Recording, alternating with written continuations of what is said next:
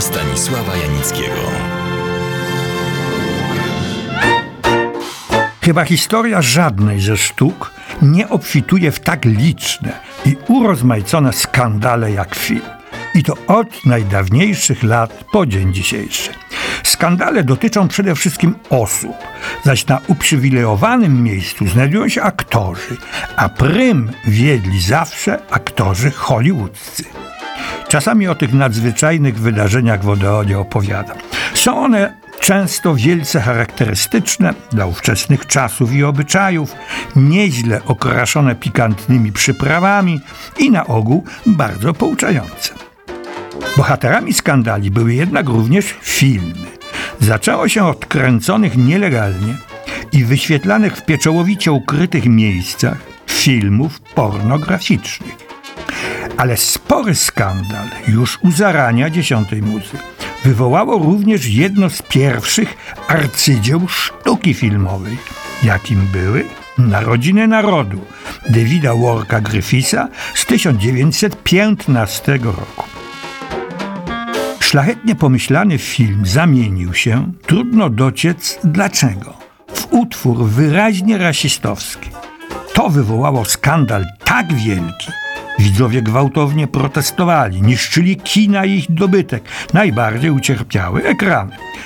Że pierwszy mistrz, artysta, czyli David Griffiths, poczuł się zmuszony nie tylko do niezliczonej wprost ilości sprostowań, wyjaśnień i przeprosin, ale i to jest wypadek bez precedensu, do realizacji rehabilitującego go filmu, jakim była nietolerancja.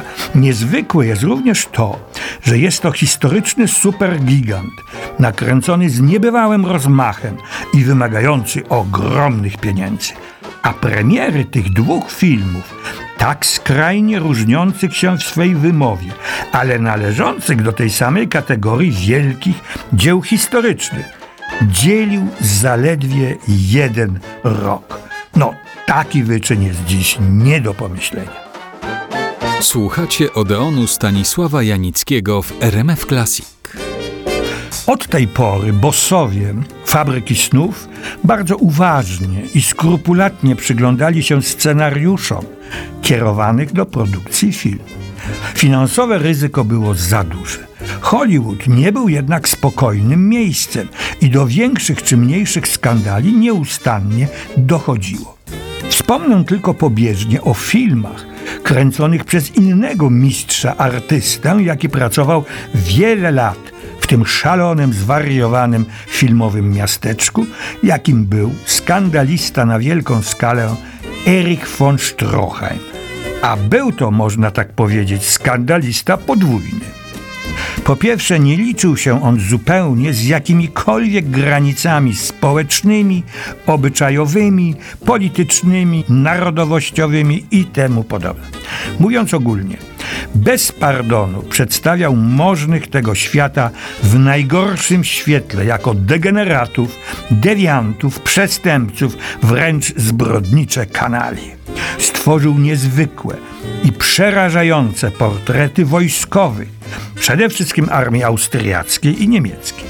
Na arystokratach nie pozostawił suchej nitki a w swym największym dziele Chciwości z 1924 roku przedstawił w jaskrawym świetle największego i decydującego o wszystkim bożka ówczesnego i dzisiejszego świata, jakim jest pieniądz. Oskarżał, szydził i drwił, nie cofał się przed niczym. Właśnie, wspomniałem, że Stroheim był podwójnym skandalistą. Reprezentował on bowiem tak samo radykalny i bezkompromisowy stosunek do realizacji filmu. Nie liczył się z żadnymi kosztorysami i harmonogramami. Jego filmy kosztowały coraz więcej i robione były coraz dłużej. Stroheim potrafił w czasie zdjęć na przykład cały dzień czekać, żeby ptaki przeleciały w tym kierunku, jak on zaplanował w scenariuszu. Aktorom kazał mieszkać w takich warunkach, nie muszę mówić, że haniebnych, slamsowych, w jakich żyli jego filmowi bohaterowie. Ograniczał ich pożywienie i napoje. Jeśli scena tego wymagała, zarost musiał być prawdziwy, a nie przyklejany. I tak można wymieniać godzinami. Większości filmów nie pozwalano mu skończyć. Przerabiali je zatrudnieni specjaliści od doprowadzania filmów do należytego stanu. A filmy te, na dodatek, były bardzo długie. Projekcja trwała kilka godzin, więc je przykrawano i powstawały kikuty. A na drugim biegunie inny mistrz artysta miał podobne, choć nie identyczne kłopoty. Reżyser rosyjski, radziecki, Sergiusz Eisenstein. Jego filmy wzięte zostały w dwa ognie. Najpierw przeżył dramatyczną, smutną przygodę ze swoją wspaniale zakrojoną epopeją meksykańską. Tu też zabrakło pieniędzy, no w tym przypadku amerykańskich, na dalszą realizację. I on przekraczał limity, bo film pod wpływem sytuacji i zdarzeń na planie zaczął się rozrastać, a czas realizacji przedłużać. Eisensteinowi odebrano możliwość dalszej pracy. Co więcej, odebrano mu także nakręcony materiał. Ze szczątków inni zmontowali film, który krąży po świecie pod tytułem Keviva Mexico. Słuchacie Odeonu Stanisława Janickiego w RMF Classic. A po powrocie do kraju czekały go następne problemy. Ożywiła i wzmogła czujność klasową radziecka cenzura państwowo-partyjna. Choć tak naprawdę to za jej haniebnie destrukcyjną działalnością stał osobiście towarzysz Stalin. O ile pancernik Patiomkin z 1925 roku został nie tylko entuzjastycznie przyjęty na całym świecie, ale zyskał uznanie aktualnego wodza rewolucji, o tyle film Stare i Nowe spotkał się z ostrą krytyką władz, zaś łąk bierzyńskich nie pozwolono mu ukończyć. Najcięższy cios spotkał go ze strony Stalina, kiedy Eisenstein przystąpił do realizacji swego ostatniego, monumentalnego, niezwykłego, również formalnie, dzieła Iwan Groźny. W pierwszej części car przedstawiony został jako surowy, ale konsekwentny mąż stanu, surowy, ale zwycięski wódz, jako wyjątkowo silna indywidualność. Stalin zobaczył w Iwanie Groźnym siebie. Uważał, że takim mężem stadu i wodzem również on jest. Eisenstein otrzymał prestiżową w Związku Radzieckim nagrodę stalinowską.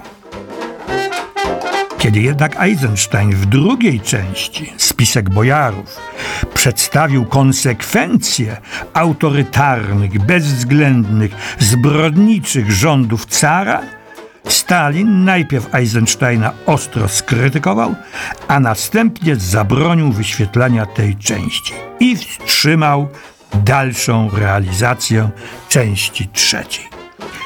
W 1948 roku zmarł Sergiusz Eisenstein. Stalin pięć lat później. Spisek bojarów, druga część Iwana Groźnego, weszła na ekrany po następnych pięciu latach, w roku 1958. A o niektórych polskich filmach, które wywołały skandale, czy też były skandaliczne, lub je za takie uważano, opowiem już za niedługo.